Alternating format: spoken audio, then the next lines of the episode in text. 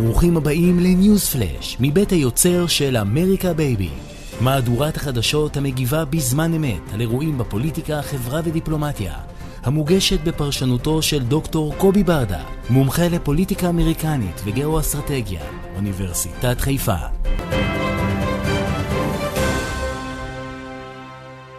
שלום וברוכים הבאים לפרק מיוחד של ניוז פלאש.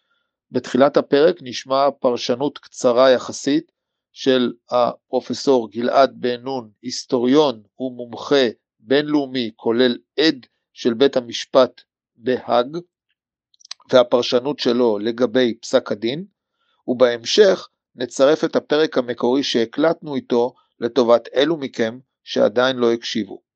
האזנה ערבה ושבת שלום. בסוף היום דרום אפריקה עתרה לבית המשפט על מנת לקבל צו פשוט וישיר. דרום אפריקה דרשה את הפסקת הלחימה בידי ישראל. על זה היא הלכה לבית משפט. בית המשפט הזה, בהאג, לא קיבל את העמדה הדרום אפריקאית ולכן לא פסק את הצו שדרום אפריקה ביקשה. הוא פסק דברים אחרים, שצריך להיזהר יותר, וצריך אפילו להעניש אנשים בארץ שקוראים לרצח עם, דבר שאפילו השופט ברק תמך בו בתוך החלטת בית המשפט. אבל את הצו שדרום אפריקה דרשה, בגין רצח עם, שעל כן ישראל הייתה אמורה לעצור את הלחימה, בית המשפט לא עתר לבקשה הזו של דרום אפריקה, מכיוון שבית המשפט בסופו של דבר מבין שאין פה עניין של רצח עם. אנחנו אה, מיד נפנה לגלעד בן נון שהוא פרופסור להיסטוריה של המשפט הבינלאומי ולימודים גלובליים באוניברסיטת לייפציג שבגרמניה, אבל לפני שאנחנו מתחילים אני רוצה לספר איזה אנקדוטה קטנה.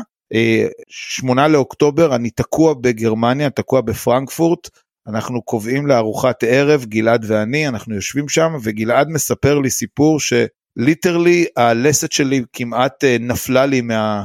אה, מהפנים, והוא אומר לי, תשמע קובי, מה שקרה פה, והוא מפרט לי אחד לאחד את הנסיבות, מאפשר לישראל להיכנס ולעשות פעולה כמעט אה, אה, לשיטוח של אה, עזה ככל שהיא תעמוד בכללי המנחים הרלוונטיים לכללי המשפט הבינלאומי, אבל יש לה את מלוא הלגיטימציה הבינלאומית. אני חוזר למלון, אני כותב ציוץ, למעלה מ-400 אלף איש ראו עד היום את הציוץ הזה, אחרי זה הוא כתב טורים לכל העיתונים בארץ וזה הפך להיות נושא באולפנים וכן הלאה.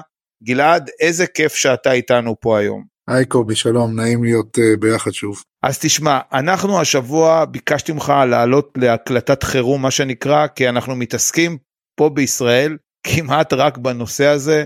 שמות של תובעים ושל שופטים, הממשלה מתכנסת, הקבינט דן, אבל לפני כל דבר, אני ממש אשמח אם תתחיל איתנו ב basic של ה basic של ה basic, מהו בית המשפט הזה, במה הוא שונה מבית המשפט אה, לפשעי מלחמה בהאג.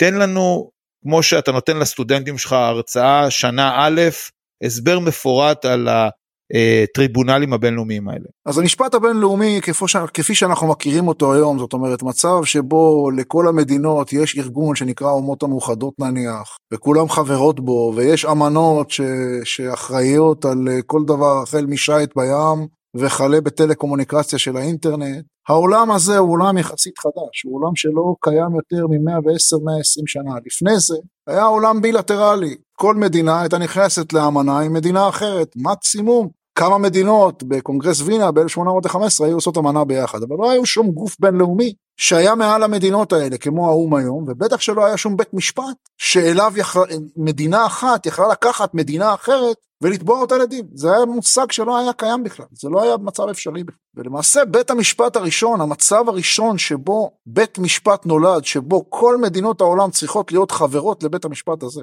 ולבית המשפט הזה יש סמכות לדון בין מדינה למדינה, הרעיון המהפכני הזה נולד בחבר הלאומים ב-1920.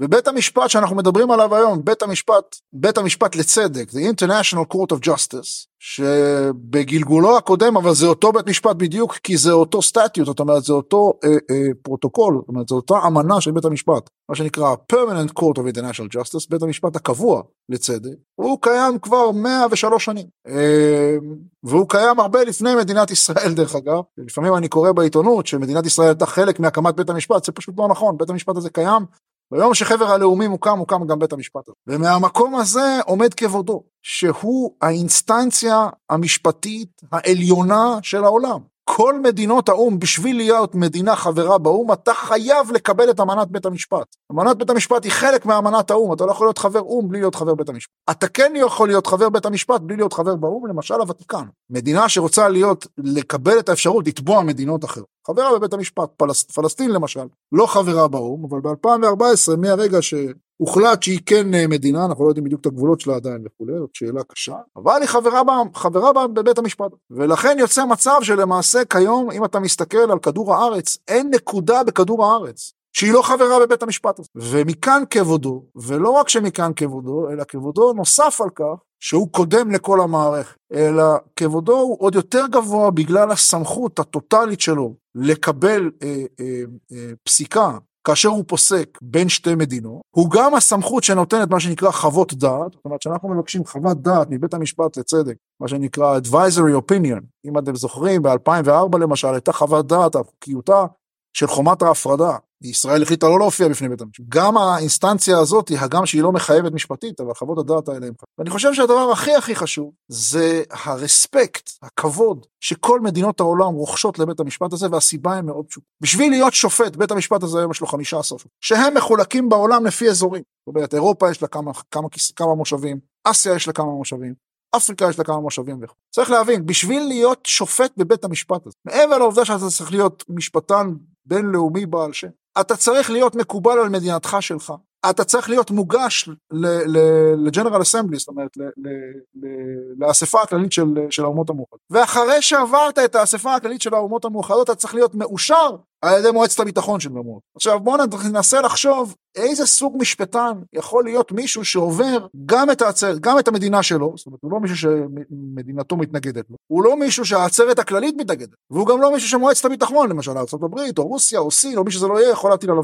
זאת אומרת, אלה משפטנים באמת ב-level הכי הכי גבוה האפשרי, שהכבוד שלהם אה, עומד להם אלף מונים, ובית המשפט הזה כתוצאה מזה, גם כתוצאה מהפרופיל השיפוטי שיושב בו, תמיד נחשב מאוד מאוד שמרן. היינו, הוא לא בית משפט שמחפש כותרות ומה שזה לא יהיה. הגיל הממוצע של השופטים הוא מאוד מאוד גבוה, יש להם המון ניסיון. אה, אגב, לא מעט שופטים יהודים ישבו בבית המשפט, כולל נשיאים שלו, שני נשיאים שלו. ועל כן, מהמקום הזה, הרספקט של בית המשפט הזה כל כך גבוה. וגם, וזה דבר חשוב להבין, יש לא מעט פעמים שבית המשפט הזה פוסק פסיקות שעל פניו נראות אה, ממש באותו הרגע שהן נראות שהן פסיקות שהלכו נגד הפוליטיקה העולמית. למשל פסיקה נורא מפורסמת זה ניקרגואה versus the United States ב-1986. בשנות ה-80 ארה"ב עושה מה שהיא רוצה בלטין אמריקה והיא גם תומכת בכל מיני מחתרות בלטין אמריקה. וניקרגואה מדינה קטנה שאין לה שום דבר שאין לה שום כוח תובעת, לא פחות ולא יותר. כן. את הקונטרס על זה שהאמריקאים הלכו ותמכו באיזה, באיזה מחתרת קיקיונית בניקרגואה שרצחה מאות אלפי אנשים. בית המשפט הזה פוסק נגד ארצות הברית ב case מאוד מפורסם שנקרא ניקרגואה versus the United.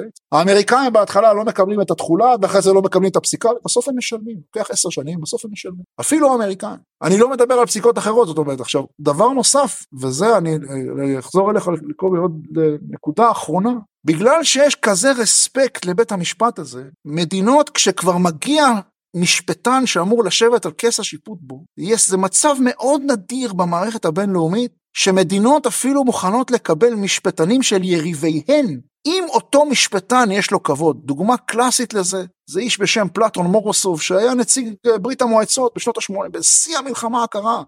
ברית המועצות פולשת לאפגניסטן ב-1979, אולימפיאדת אה, אה, אה, מוסקבה, המשלחת האמריקאית לא מגיעה, אחרי זה בלוס אנג'לס המשלחות הסובייטיות לא מגיעות. ופלטון מורוסוב עומד לבחירה מטעם ברית המועצות, שהוא כמובן היריב השרוף של האמריקאים בשלב המלחמה. והשגריר האמריקאי דניאל מויניהן והשגרירה אחרי זה ג'ין קרקפטריק, כל פעם שה term הוא תשע שנים, כל פעם ש, שמורוסוב מגיע לכס שיפוט, הם מצביעים בעד. האמריקאים מצביעים בעד ה candidate של ברית המועצות שהוא משפטן אה, אה, סובייטי עד הסוף. ולמה? כי הם אומרים נכון הוא משפטן של היריב, אבל הוא איש ישר. וזאת תופעה באמת ייחודית, אתה לא רואה את זה כמעט במשפט הבינלאומי, שת, של מצב שבו אתה אומר, תשמע, יש לי סכסוך פוליטי עם מישהו, אבל אני מוכן לקבל את יושרתו של משפטן מהצד השני. זה למעשה הייחוד של בית המשפט הזה, זה מקום מאוד מאוד מיוחד, אה, מאוד שמרן, ובאמת המושג הצרפתי שנותנים לבית המשפט הזה ולא לחינם זה לגרון דאם, זאת אומרת הגברת הגדולה לכאורה של המשפט הבינלאומי, המקום הכי מחוק. ומה הוא שונה מבית המשפט לפשעים בינלאומיים בהאג? או מה, מה הסמכויות שיש לו מול הסמכויות של בית המשפט קודם בהאג? כל בית המשפט בהאג הוא בכלל בית משפט חדש, הוא קם ב-1998, נכנס ל- ל- ל- לעבודה ב-2002, אז אתה יכול לתאר לעצמך שבית המשפט לצדק שכבר קיים 80-90 שנה לפניו, שכל מדינות העולם מחויבות להיות חברות בו, כל חברות האו"ם. בבית המשפט לפשעי מלחמה, חצי מחברות האו"ם לא חברות, ואני מזכיר לך ששלוש מתוך חמש החברות הקבועות של מועצת הביטחון בעלות זכות וטו. רוסיה, ארה"ב וסין לא חברות בבית הדין לפשעי מלחמה. שלושת החברות האלה שלא חברות בבית הדין לפשעי מלחמה באותה העיר, הם למעשה ממנות שופטים, בגלל הכוח שלהם, בבית הדין העליון לצדק. ולכן החברות בבית המשפט, בעודה חלקית וטעונה פוליטית בבית המשפט לפשעי מלחמה, בבית המשפט לצדק, החברות היא אה, עניין של כבוד לאומי, כאשר למשל סגנית הנשיאה היום היא מסין, זה עניין של כבוד לאומי גדול מאוד, להגיע לשם. ומה מה ההבדל, זה ההבדל מה, המהותי. מה ההבדל בין היכולות נגדיר לזה, ההבדל מבחינת השפיטה, מבחינת, כן. מבחינת השפיטה, בית המשפט לצדק לא שופט אה, אה, אינדיבידואלים, לא שופט בני אדם. הוא גם לא שופט תנועות. הדבר היחיד שהוא שופט זה בין מדינות. אין לו סמכות לשפוט אינדיבידואל, אין לו סמכות לשפוט גנרל כזה או אחר, או נשיא מדינה כזה או אחר, או פושע כזה או פושע אחר. זה לא אז- עובד ככה. אז אני חייב לשאול, הסמכות היחידה שיש לו היא בפני מדינות. אין גוף אחר שיש לו standing, שיש לו זכות עמידה לפני בית המשפט. לא עיר, לא תנועה, לא אמנסטי אינטרנשיונל, לא בן אדם פרטי, שום דבר מהדברים האלה. גוף היחיד שרשאי לעמוד בפני בית המשפט הזה זה מדינות. אז, רק מדינות יכולות לדבר עם מדינות אחרות. אז אני רוצה לשאול אותך שאלה, האם לצורך העניין פלסטין נחשבת כמדינה? שאלה מצוינת, ב-2012 העצרת הכללית של האו"ם קיבלה החלטה שפלסטין הינה מדינה שאינה חברה באו"ם, כי בשביל להיות חברה באו"ם צריך אישור של מועצת הביטחון והאמריקאים הם מטילים וטו. כתוצאה מזה פלסטין באופן וולונטרי הצטרפה לאמנה של בית הדין לצדק כמדינה לא חברה באו"ם, כמו שהוותיקן, כמו סומלילנד, כמו קוסובו, כמו, גוף, כמו מדינות אחרות שאינן חברות באו"ם. ובית המשפט שקד על הסוגיה וקיבל את העובדה שפלסטין היא מדינה. ומאותו הרגע פלסטין היא חברה בזה. אגב, יש קייס שכרגע עומד מול בית המשפט הזה, שפלסטין תבעה את ארצות הברית ב-2018 כשטראמפ העביר את השגרירות האמריקאית מתל אביב לירושלים. פלסטין תבעה את ארצות הברית בתביעה שנקראת Palestine vs. the United States, שמתרחשת כרגע, באומרה שהאמריקאים שברו את, את האמנה ליחסים דיפלומטיים באמנת וינה מ-1961, והקייס הזה עדיין נידון. סביר מאוד להניח שהקייס הזה לא יתקבל, גם מכיוון שהשגרירות נמצאת במערב ירושלים, אה, שבית המשפט הזה בעצמו כבר הכריע שזה שטח ישראלי ב-2004, וגם מכיוון שיש אה, עיקרון שבו אתה, אתה לא פוסק פסיקה בין שתי מדינות, אם למדינה שלישית, אם זה, מח, אם זה משפיע באופן מכריע על מדינה שלישית, כמובן על מדינת ישראל, והפלסטינים לא הזמינו את ישראל או לא תבעו את ישראל בתביעה הזאת, אלא מדדו את תביעתם רק כנגד הברית. ובמצב הזה, העיקרון הזה שבית המשפט אינו פוסק בפסיקה שיכולה להשפיע על מדינה שלישית, גם זה כנראה הופר על ידי הפלסטינים באותה תביעה מפורסמת. אבל פלסטין חברה בבית המשפט. שאגב, בנושא שאנחנו מדברים עליו היום, של דרום אפריקה כנגד ישראל, אחת הנקודות הקשות ביותר לדרום אפריקה, שהיא גול עצמי ממש, היא העובדה שלא רק שדרום אפריקה לא הביעה שום מורת רוח כנגד ישראל, ולא ניסתה אה, להניע את ישראל ממה שהיא רצתה, אלא הלכה ישר לבית המשפט, אלא שדרום אפריקה עותרת בשם הפלסטינים, אבל הפלסטינים עצמם, פלסטין עצמה,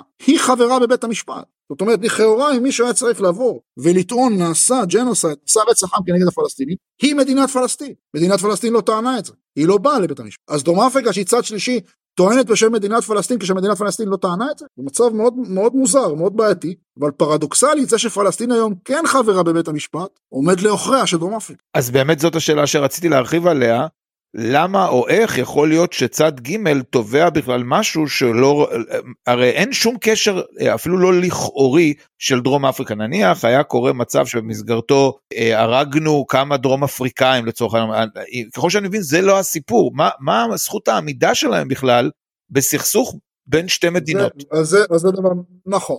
אם בוא נניח מצב קלאסי שבו דרום אפריקה הייתה תוקפת כלי שיט או מונעת מעבר שיט, כיף התקווה הטובה מטעם כלי שיט ישראלים, מדינת ישראל הייתה תובעת את דרום אפריקה אחד כנגד אחד על הפרת אמנת, הש... אמנת השייט של האו"ם, The United Nations Convention of the Law of the Sea, 1982. יש מעט מאוד אמנות, למעשה יש אמנה, שאתה יכול לתבוע מדינה אחרת, כל מדינה אחרת, אם היא מבצעת אה, הפרה של אותה אמנה, וזאת האמנה לרצח עם. האמנה לרצח עם שהיא כלי מאוד מיוחד, שהיא למעשה האמנה כמעט הראשונה שהאו"ם קיבל אחרי אמנת האו"ם עצמה, UN Charter, ב-1948. האמנה הזאת קובעת שזה אחריות של כל מדינות העולם לוודא שמדינות אחרות בעולם לא מבצעות רצח, כמובן אחרי השואה. ועל כן כל מדינה בעולם, לפי האמנה הזאת, וכל, כל מדינות העולם חתומות על האמנה הזאת, לא כולן, יש כמה שלא, אבל זה לא משנה אם הן חתומות או לא, כי האמנה מכמות מסוימת של מדינות, האמנה חלה. זה אחריות, מה שנקרא ארגה אומנס, אחריות כלפי העולם בכלל, ולא כלפי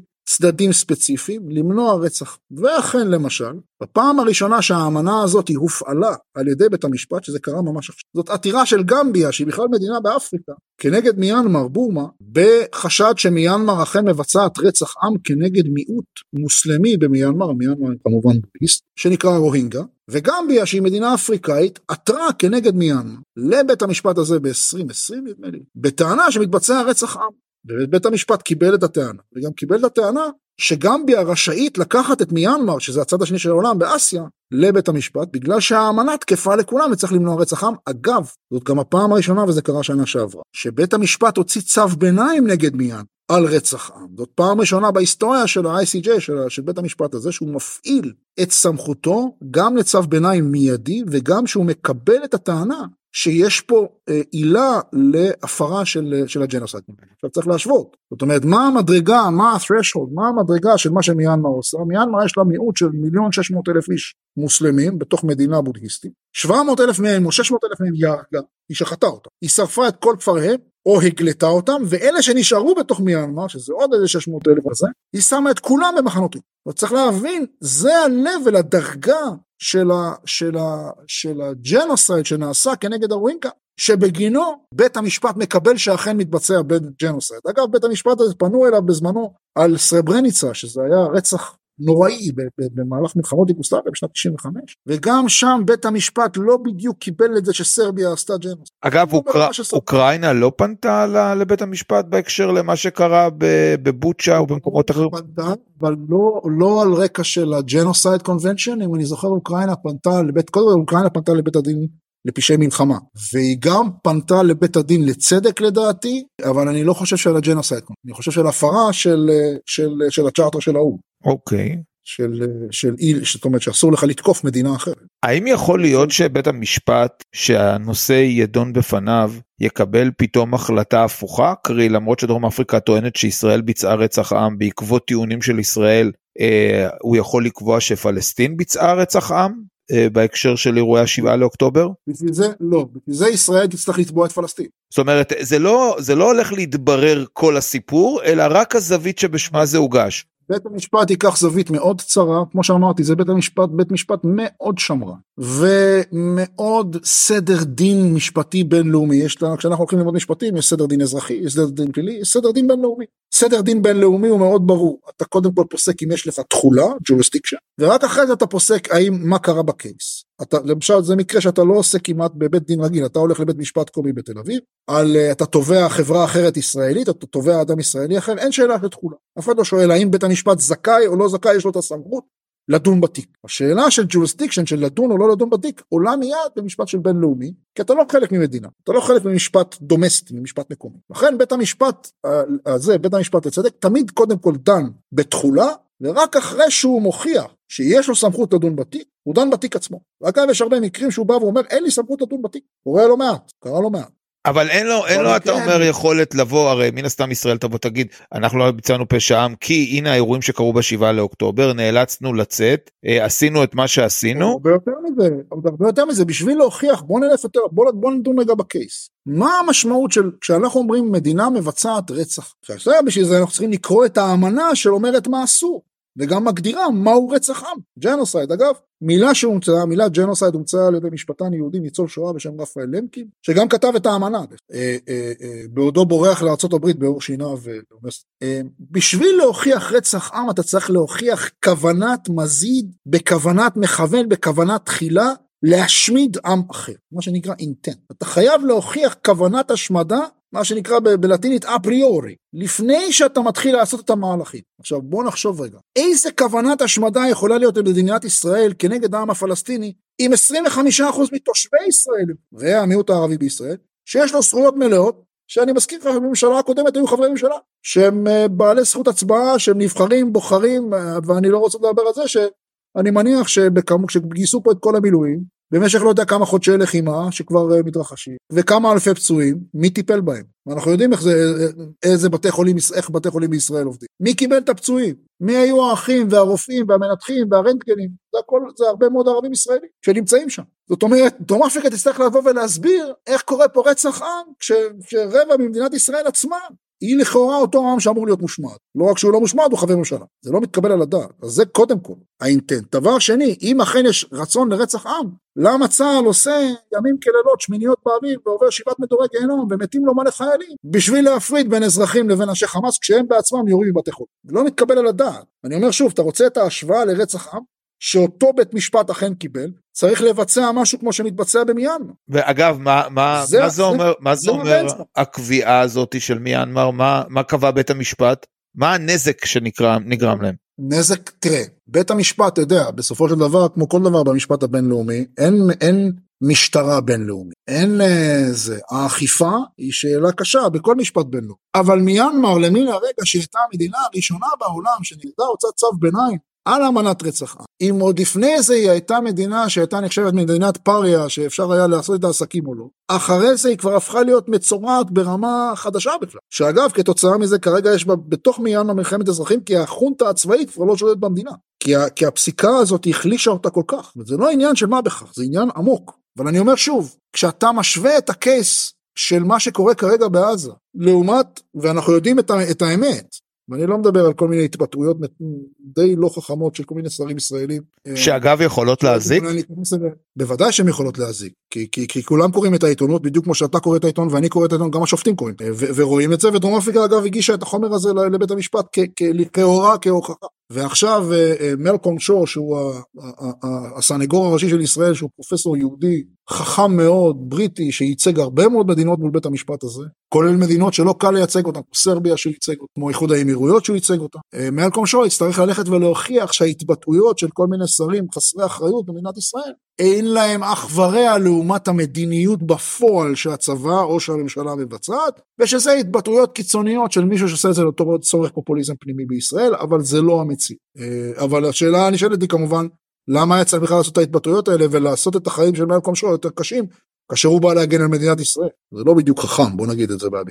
כפי שאני רואה את זה לכל הפחות אם אנחנו אם מדינת ישראל תדע להגן על עצמה ופשוט להראות את המציאות מעבר למה שעשו לה שזה דבר מאוד חשוב לה כי חלק מהמנגנון של רצח עם כמו בשואה אתה רוצח עם בלי שהוא עשה לך שום דבר. זה המשמעות העמוקה של רצח עם. אתה הולך במקרה של השואה אתה משמיד את היהודים או הצוענים באירופה אתה משמיד אותם בלי שהם עשו לך שום דבר. זה בערך מה שקרה בשביעי באוקטובר. הקיבוצים מסביב לעוטף עזה היו אנשי השלום הכי גדולים. אז, אז, אז לפחות מבחינת תגובה אין שום שאלה, אני לא מדבר על פשעי המין שהתבצעו שם וכל מיני דברים אחרים של פשעי מלחמה חמורים של חמאס באופן מתוכנן, אה, לכל הפחות אין, לא תהיה שאלה שלישראל יש את זכות התגובה. ברגע שכבר הגעת למצב של זכות תגובה, אתה מגיע למצב שאין פה רצח עם. כל הרעיון של רצח עם הוא שאתה מבצע אותו בלי שום, בלי שום קשר לנרצח.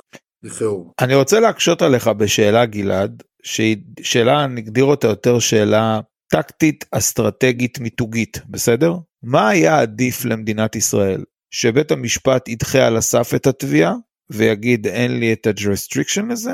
או שהוא אכן ידון ואחרי שהוא ידון הוא יגיד דנתי בתיק ואין שום עילה להגדיר את הנושא הזה כרצח עם. מה לדעתך יותר טוב לישראל? תיאור. אני מעדיף שבית שבית המשפט ידון בתיק ויוציא פסיקה ואני אסביר לך גם למה. יושבת ג'ודף באטלר בברקלי יושבים כל מיני אה, אה, אה, שמאלנים בכל העולם ואשתו מתפטר נציג בכיר של מועצת זכויות האדם של האו"ם, וכל אחד צועק שני וחמישי ישראל מבצעת ג'נוסייד בפועל. עכשיו החבר'ה האלה לא צריכים להוכיח את טענתם. הם זורקים את ה genocide, כלפי הציבור שלהם, הם כבר קיבלו את הנקודות שלהם, ג'ודית באטלר מברקלי, לציבור השמאלני שלה או כל אחד אחר. אין סכסוך בעולם שהשתמשו בו במילה genocide כל כך הרבה פעמים בסכסוך הערבי כאשר הוא לא מתבצע. עכשיו למה? כי כמו שאומרים באנגלית, talk is cheap. זאת אומרת, אתה יכול להגיד מה שאתה רוצה, אתה לא צריך להוכיח את הטענה שלך, או לא להוכיח את הטענה שלך, כשאתה ג'ודית באטלר אתה אומר, וכולם שמחים שאתה אומר את זה.